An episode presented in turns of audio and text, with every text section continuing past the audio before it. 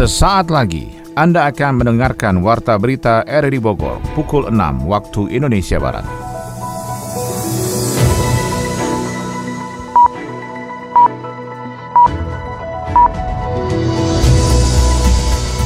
Selamat pagi dan salam jumpa. Kembali kami hadir dalam Warta Berita edisi hari ini, Selasa 14 Juni 2022. Siaran ini bisa Anda dengarkan melalui audio streaming pada aplikasi Radio Play di perangkat smartphone Anda dan turut disiarkan Radio Tegar Beriman Kabupaten Bogor. Berikut kami sampaikan berita utama.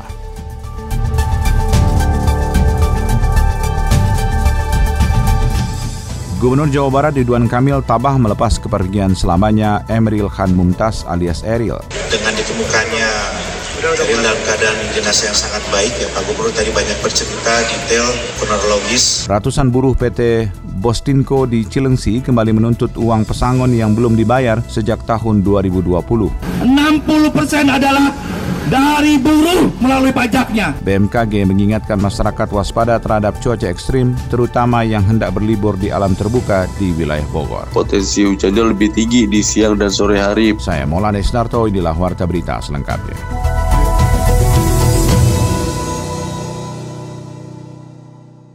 Pemerintah Provinsi DKI Jakarta memastikan sejumlah langkah pencegahan telah dilakukan untuk penanganan subvarian Omikron BA4 dan BA5. Laporannya disampaikan Alfred Tuter. Kita ini sekarang ini sudah selesai libur. Pemprov Jakarta merespon adanya temuan kasus subvarian Omikron BA4 dan BA5 di Indonesia. Wakil Gubernur Jakarta Ahmad Riza Patria di Balai Kota memastikan berbagai upaya pencegahan telah dilakukan bersama Kementerian Kesehatan agar virus ini tidak sampai menyebar di ibu kota. Misalnya dengan menyiapkan sarana hingga prasarana yang meliputi tenaga kesehatan termasuk sosialisasi. Namun kesadaran warga dalam menerapkan protokol kesehatan menurut Riza menjadi salah satu kunci kunci pencegahan penyebaran subvarian Omikron ini. Untuk itu kami minta sekalipun sudah diperkenankan tidak menggunakan masker di ruang terbuka, kami minta seluruh warga Jakarta khususnya agar tetap patuh taat disiplin bertanggung jawab menggunakan melaksanakan protokol kesehatan ya. Inilah satu satu cara. Kemudian yang kedua juga penting yaitu apa itu pastikan menggunakan vaksin. Kami juga Pemprov nanti akan meningkatkan lagi ya agar vaksin yang ketiga booster bisa terus dipastikan agar seluruh warga mendapatkan vaksin.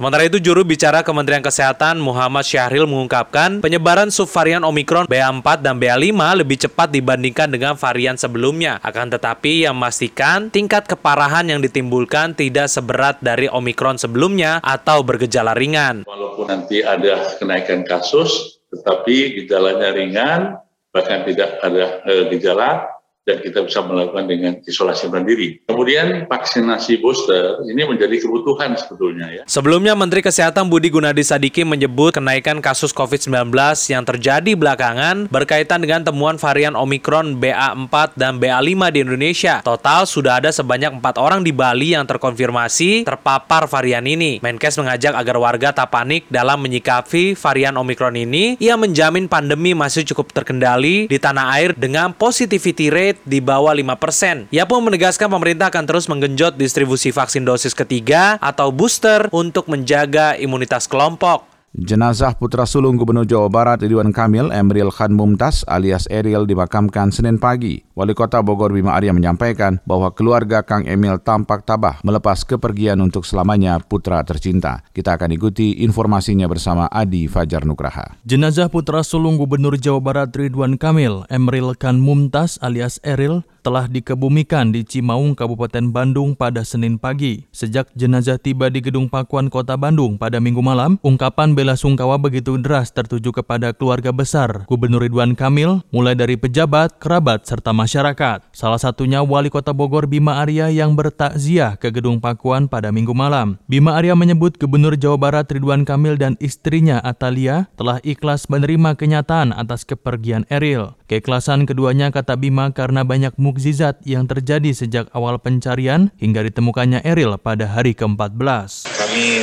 menyaksikan keikhlasan yang betul-betul lebih kuat lagi dari Pak Gubernur. Pak Gubernur sampaikan bahwa yang membuat Pak Gubernur dan Bu Atalia ikhlas adalah karena banyak sekali mujizat-mujizat yang terjadi selama 14 hari. Bima mengatakan Gubernur Ridwan Kamil banyak bercerita tentang upaya pencarian hingga diketemukannya putra sulungnya itu. Bahkan lanjut Bima, Kang Emil bercerita bahwa salah satu bentuk mukjizatnya ialah ketika diketemukan jenazah Eril masih dalam kondisi yang baik. Banyak mukjizat-mukjizat kecil yang terus-menerus terjadi, termasuk tentunya dengan ditemukannya Eril dalam keadaan jenazah yang sangat baik ya Pak Gubernur tadi banyak bercerita detail kronologis ketika dihubungi sampai kemudian di sana di lokasi pun menjumpai jenazah dari almarhum Eril yang dalam keadaan baik sekali. Ini diyakini karena kebaikan almarhum memberikan banyak sekali manfaat. Pak Gubernur cerita bagaimana almarhum setiap malam ternyata banyak jalan di kota Bandung untuk memberikan sedekah. Selain Wali Kota Bogor Bima Arya, sejak minggu malam hadir beberapa pejabat di antaranya Wakil Gubernur Jawa Barat UU Ruzanul Ulum, Gubernur Jawa Tengah Ganjar Pranowo, Menteri BUMN Erick Thohir serta Mensesnek Pratikno. Kini jenazah Eril telah dimakamkan di Kampung Geger Beas, Cimaung, Kabupaten Bandung, tepatnya di samping masjid dan Islamic Center yang dibangun Ridwan Kamil. Ratusan buruh PT Bostinko di Cilengsi, Kabupaten Bogor kembali melakukan aksi menuntut uang pesangon dari perusahaan yang telah mem-PHK sepihak. Yofri Haryadi melaporkan. Kita berunding dulu nanti, percaya nama kita, tim 10 nanti uh, insya Allah. Nah satu lagi, kumpulin nomor telepon semua. Ya. 135 orang buruh PT Bostinco yang berlokasi di Desa Cilengsi Kidul, Kecamatan Cilengsi, Kabupaten Bogor kembali melakukan aksi menuntut uang pesangon dari perusahaan yang telah mem-PHK sepihak. Aksi tersebut dilakukan akibat tidak dibayarkannya hak pesangon sebagai akibat pemutusan hubungan kerja sejak 2020 lalu dan kini telah mendapatkan putusan hukum berdasarkan hasil sidang sengketa hubungan industrial mulai dari Pengadilan Tinggi Bandung hingga banding ke Mahkamah Agung RI dengan nomor 360 K garis miring PDT titik SUS titik PHI garis miring 2020. Namun dari pihak manajemen perusahaan menolak untuk membayar kompensasi upah dan PHK sejak Oktober 2018 senilai 15 miliar 490 juta rupiah lebih kepada buruh yang di PHK sepihak itu. Kabupaten Bogor harus berani membela rakyatnya. Kami buruh adalah rakyatnya. Pendapatan daerah Kabupaten Bogor 60% adalah dari buruh melalui pajaknya. 60% kawan-kawan.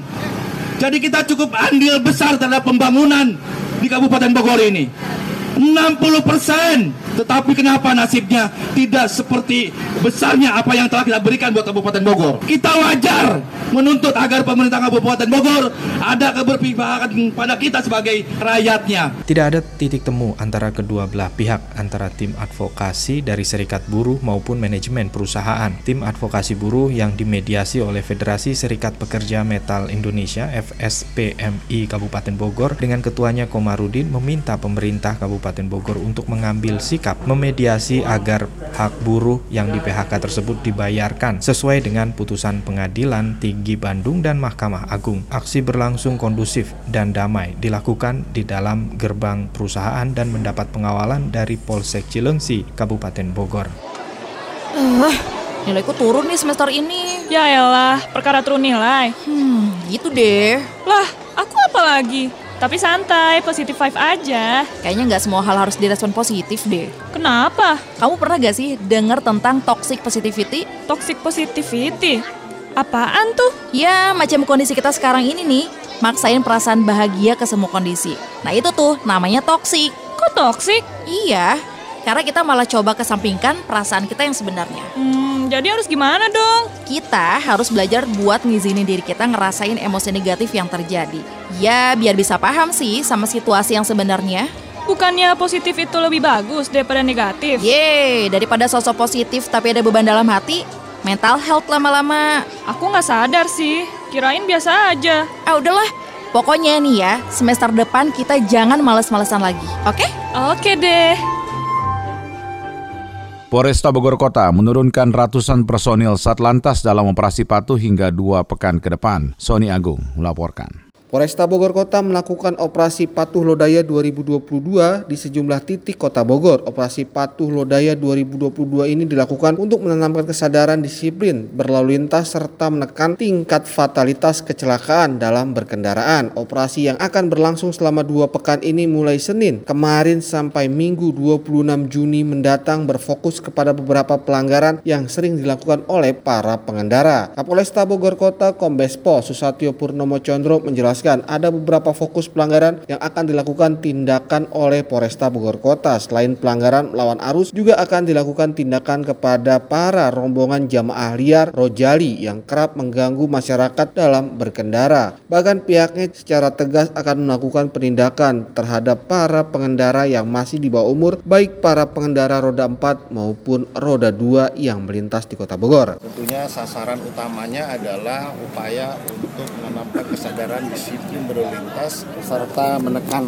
tingkat fatalitas. Dan sehingga tadi sudah dipaparkan langsung oleh Kasat Lantas mana titik-titik rawan di kecelakaan lintas termasuk pelanggaran-pelanggaran yang sering menjadi perhatian masyarakat yaitu melanggar arus. Jadi tiap hari kita melakukan penindakan terhadap pelanggar-pelanggar yang melawan arus lalu lintas tentu ini sangat berbahaya. Yang kedua juga saya memprioritaskan khususnya kepada yang sering disebut rojali-rojali itu. Menghentikan truk bahkan membuat konten di pinggir jalan dengan dengan dengan tenang pinggir jalan gitu ya selfie dan sebagainya tentu ini membahayakan. Nah sehingga 14 hari ke depan kami mengharapkan dukungan semua masyarakat agar bisa membantu agar bisa menanamkan disiplin pada semua usia baik itu pengendara ataupun pengguna jalan lainnya. Sementara itu di lokasi yang selama Kasat Lantas Polresta Bogor Kota Kompol Gali Apria menjelaskan dalam operasi yang akan digelar selama dua pekan ini ratusan personil Satlantas akan diturunkan di beberapa titik. 134 personil tersebut akan akan terus berupaya untuk menurunkan angka kecelakaan dan fatalitas korban dalam berkendara. Angka fatalitas yang terjadi itu banyak terjadi berawal dari melawan arus sehingga pihaknya memprioritaskan tindakan penilangan bagi yang melawan arus. Khusus untuk Satlantas kita sejumlah 134 personil dibantu dari jajaran secara keseluruhan semua fungsi. Artinya kita upayakan karena tema kita hari ini adalah menurunkan angka kecelakaan dan fatalitas korban. Mudah-mudahan setelah tadi sama-sama kita petakan, jadi sengaja kami memetakan dengan memperbanyak titik trouble spot dan black spot sehingga upaya kita selama dua minggu ke depan zero accident bisa dicapai, tidak ada kecelakaan yang fatal. Imbas dari perbaikan jalan, eh, jembatan jembatan yang amblas itu tentunya itu memperpanjang rute masyarakat untuk balik ke rumah masing-masing putaran demi putaran. Sempat kita kemarin bersama dengan Disub menutup beberapa putaran tersebut, tetapi masyarakat juga mencoba sampai ada yang naik ke trotoar, median jalan dan sebagainya.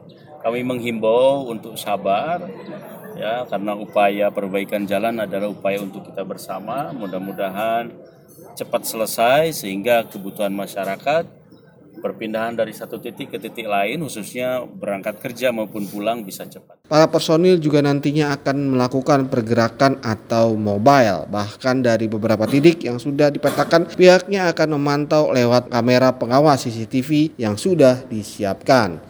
Perumda Pasar Pakuan Jaya menyiapkan rencana relokasi pedagang musibah kebakaran Pasar Jambu 2. Laporannya disampaikan Sony Agung Saputra. Pasar Jambu 2 Bogor terbakar Senin dini hari sekitar pukul 4 waktu Indonesia bagian Barat. Perumda Pasar Pakuan Jaya melakukan penanganan kejadian tersebut. Direktur Utama Dirut Perumda Pasar Pakuan Jaya Muzakir mengungkapkan kios tempat berjualan kopi diduga menjadi lokasi pertama percikan api yang menjalar ke kios lainnya. Api sempat berkobar selama satu jam dengan menghanguskan sedikitnya 15 kios di areal tersebut. Tadi pagi kan jam 4 ada percikan api, kemungkinan sih dari salah satu kios ada konslet ya. Diprediksikan sih kios yang jualan kopi. Akhirnya kebakaran ya satu baris dari pintu masuk pasar pasar Jambu 2 adanya di sebelah kanan. Jadi kios-kios yang menempel di uh, pagar sungai. Nanti kemungkinan sih akan kita arahkan masuk ke Blok B. Nanti berjualan sementara di Blok B, nanti sampai kita bulan Agustus rencana revitalisasi pasar, mereka nanti akan kita siapkan tempat. Direksi Pasar Pakuan Jaya sudah menyiapkan relokasi kepada 15 pedagang yang masuk ke dalam pasar Blok B. Dirut Perumda Pasar Pakuan Jaya Muzakir menjelaskan untuk mengantisipasi adanya bencana kebakaran susulan dan pedagang tetap bisa berjualan, maka pihaknya masukkan pedagang yang tertimpa musibah ke dalam pasar Blok B Pasar Kebon Kembang. Selanjutnya relokasi Pasar Jambu 2 juga menjadi program lanjutan untuk penanganan menyeluruh. Ada 15. Semuanya nanti akan kita masukin ke Blok B. Sementara sih aman, karena kan memang aksesnya hanya mereka. Jadi listriknya kan tidak terhubung dengan blok B atau yang yang bagian pasar. Ini sebetulnya sih bukan di dalam pasar, tapi ada di di tempat itu kayak tempat penampungan lah. Kerugian sih belum kita prediksi, masih proses hitungan ya. Total yang terdampak ada 15 kios pedagang. Saat ini dilakukan penanganan dengan melihat kembali instalasi listrik di semua pasar agar tidak terjadi korsleting atau arus pendek yang dapat menimbulkan bencana kebakaran. Korban hanyut dan tenggelam di Setu Cikaret Cibinong Kabupaten Bogor pada Sabtu sore akhirnya ditemukan dalam keadaan meninggal dunia pada Minggu malam sekitar pukul 21 waktu Indonesia Barat. Proses pencarian dilakukan bersama dengan tim SAR gabungan dari BPBD dibantu dengan unsur lainnya seperti pemadam kebakaran Kabupaten Bogor. Korban hanyut itu diketahui bernama SH, usia 38 tahun diketahui warga Cibinong dan tim teknis pencarian korban Hidayat Sapu Tradinata mengatakan bahwa korban berhasil ditemukan dan dikembalikan ke keluarganya. Kan sudah ketemu, yang jelas sudah cepat yang jelas saya hanya memberikan informasi aja di itu, jadi percepatan aja supaya kegiatan anak-anak biar lebih konsentrasi, kedua penanganan biar cepat, ketiga kaitan penolongan itu. Kalaupun itu kan ranahnya PBD ya, tapi kita bantu semua. Rescue-nya kita sekitar enam selaku tim teknis. Sebelumnya pencarian korban sempat dihentikan pada Sabtu malam karena tidak ada petunjuk jelas lokasi tenggelamnya korban. Petunjuk pencarian hanya korban menggunakan sepatu boot dan celana pendek serta sweater hitam saja. Korban diketahui mencari ikan di sekitar setu menggunakan perahu dan dilaporkan tidak pulang ke rumahnya dan hanya tertinggal perahunya saja.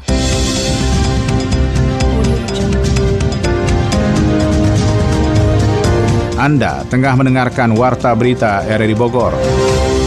BMKG mengingatkan masyarakat untuk waspada terhadap cuaca ekstrim terutama yang hendak berlibur di alam terbuka di wilayah Bogor. Ikuti informasinya bersama Yofri Haryadi. Kepala BMKG Bogor Indra Gustari mengingatkan kepada masyarakat untuk waspada terhadap cuaca ekstrim terutama yang hendak berlibur di alam terbuka di wilayah Bogor. Mengingat dalam dua pekan ke depan diprediksi curah hujan akan terjadi pada sore hingga malam hari dengan intensitas yang tinggi. Uh, sampai pertengahan pertengahan Juni ini seminggu ke depan potensi hujan masih dominan di sore dan malam hari ini. Jelang libur sekolah sejumlah objek wisata alam di Kabupaten Bogor akan banyak dikunjungi oleh wisatawan wisatawan. Selain memberikan peringatan kepada pemerintah daerah dan pelaku usaha wisata alam terbuka, BMKG Bogor juga mengingatkan kepada masyarakat yang berwisata terbuka ke wilayah Kabupaten Bogor untuk mereschedule waktunya pada pagi hingga siang hari saja. Tuh Bogor melihat potensi hujannya masih tinggi saat ini ya dan beberapa hari ke depan. Dan untuk kegiatan di luar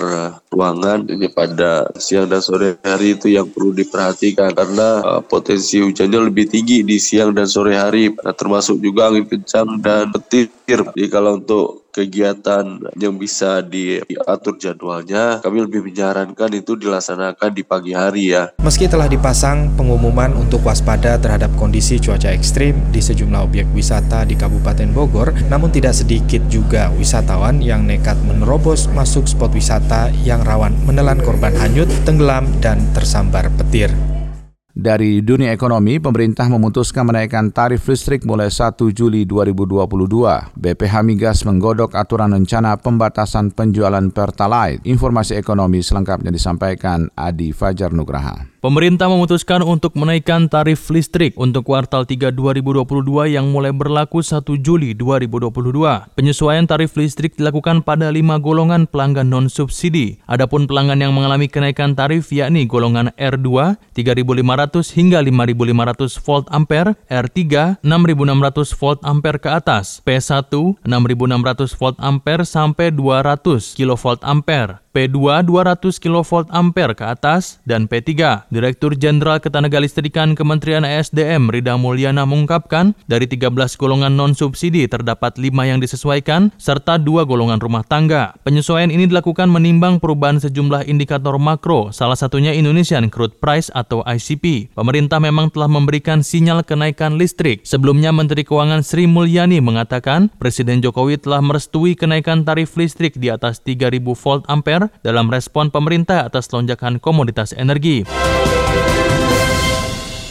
Pemerintah akan mengatur penjualan BBM jenis Pertalite. Salah satu kendaraan yang dilarang membeli BBM dengan kadar oktan 90 tersebut adalah mobil mewah. Anggota Komite BPH Migas Saleh Abdurrahman mengatakan, hingga saat ini aturan tersebut masih digodok. Belum ditentukan jenis kendaraan apa yang akan dilarang membeli Pertalite. Namun ia memastikan jenis kendaraan yang tergolong mewah untuk tolak ukur kendaraan mewah akan ditetapkan berdasarkan besaran CC mesin mobil. Selain kendaraan berplat hitam atau masyarakat umum, Saleh juga menyinggung soal kendaraan dinas dinas milik PNS, TNI maupun Polri. Meski belum dipastikan, ia menilai memang seharusnya mobil dinas menggunakan BBM non-subsidi. Salah satu yang menjadi alasan pemerintah mengatur pembelian Pertalite karena konsumsinya yang diperkirakan akan membengkak. Jika itu terjadi, maka kompensasi yang dibayar pemerintah akan semakin besar. Saleh menjelaskan Pertalite merupakan jenis BBM khusus penugasan atau JBKP. Dengan status tersebut, maka kuotanya terbatas dan harganya diatur. Sejumlah opsi pun dikaji termasuk siapa yang bisa membeli Pertalite. Namun demikian, ia belum bisa memastikan siapa saja nantinya yang boleh membeli Pertalite. Pihaknya tengah mengkaji berapa kuota yang bisa diselamatkan dari berbagai mekanisme tersebut. Yang terpenting, skema pengaturan itu harus mudah diterapkan di lapangan.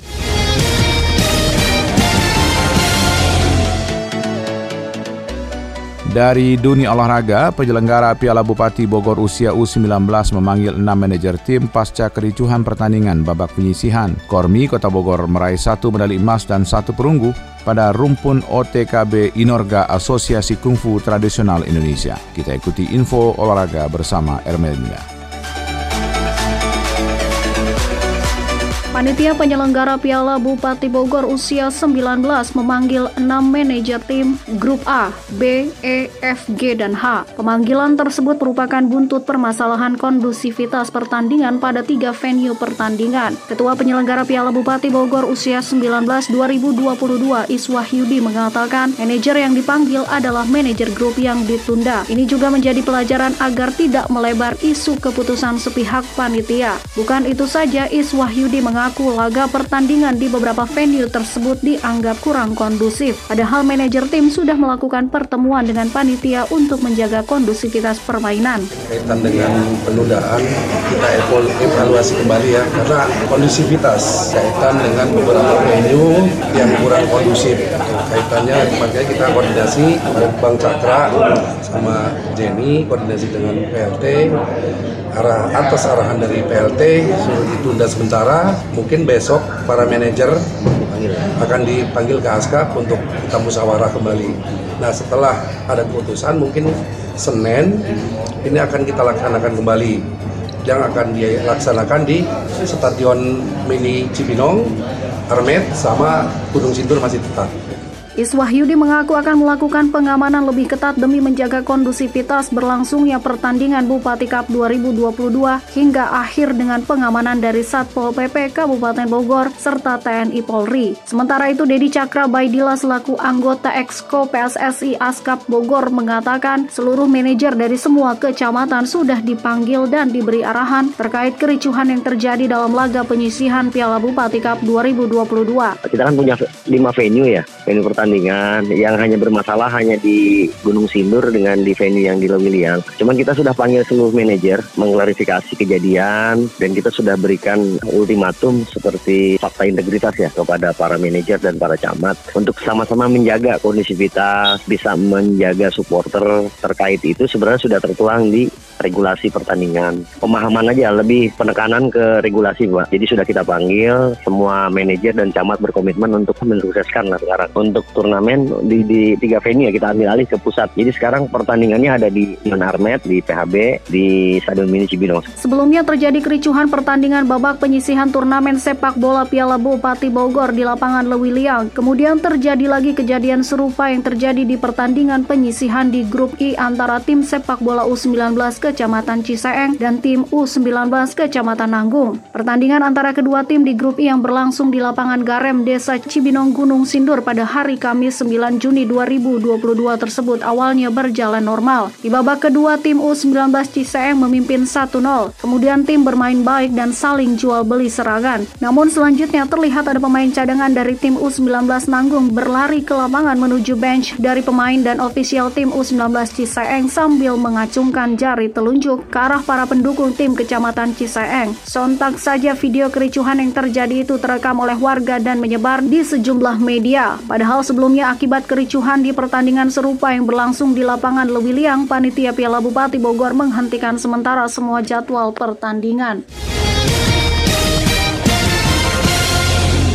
Target Komite Olahraga Rekreasi Masyarakat Indonesia Kormi Kota Bogor untuk mengukir prestasi pada perhelatan Festival Olahraga Rekreasi Provinsi atau Porprov keempat Jawa Barat tahun 2022 yang dilaksanakan di Kabupaten Sumedang pada 10 hingga 11 Juni 2022 akhirnya membuahkan hasil manis. Buktinya para pegiat Kormi Kota Bogor berhasil meraih satu medali emas dan satu medali perunggu pada rumpun OTKB Inorga Akti atau Asosiasi Kungfu Tradisional Indonesia. Raihan satu satu medali emas tersebut berhasil dipersembahkan Syahid Abdul Rohim, sedangkan satu medali perunggu sukses diraih Given Dilan Gunawan. Ketua Kormi Kota Bogor Zainul Mutakim mengaku bangga dengan raihan satu medali emas dan satu medali perunggu yang dipersembahkan pegiat kungfu tradisional Syahid dan Givan. Zainul juga menyampaikan kebanggaan dan apresiasinya kepada dua peraih medali, terutama kepada pegiat Syahid Abdul Rohim ketika berangkat dari Kota Bogor menuju ke Sumedang, ibunya dalam keadaan dirawat di rumah sakit di Kota Bogor. Namun dengan situasi kondisi tersebut, Syahid masih tetap fokus dan konsentrasi menunjukkan kemampuan yang saat bertanding sehingga bisa menjadi juara ke satu dan meraih medali emas. Sementara Sekretaris Umum Kormi Kota Bogor Boy Kusnan menambahkan dua pegiat Inorga Akti yang mempersembahkan dua medali untuk Kormi Kota Bogor menjadi penyemangat bagi jajaran pegiat dan penggiat untuk meningkatkan prestasi. Terlebih lagi dalam memasyarakatkan olahraga tradisional dan rekreasi ini kepada masyarakat khususnya masyarakat Kota Bogor.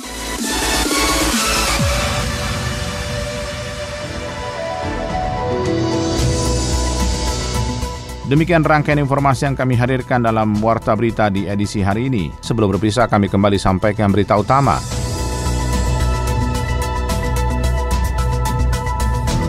Gubernur Jawa Barat Ridwan Kamil tabah melepas kepergian selamanya Emeril Khan Mumtaz alias Eril.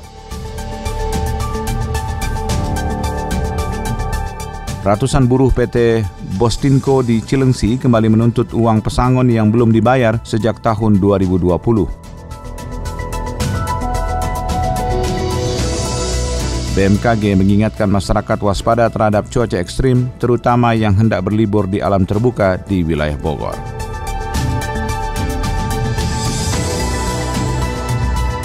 Mewakili kerabat kerja bertugas, saya Maulana Estarto mengucapkan terima kasih. Selamat pagi.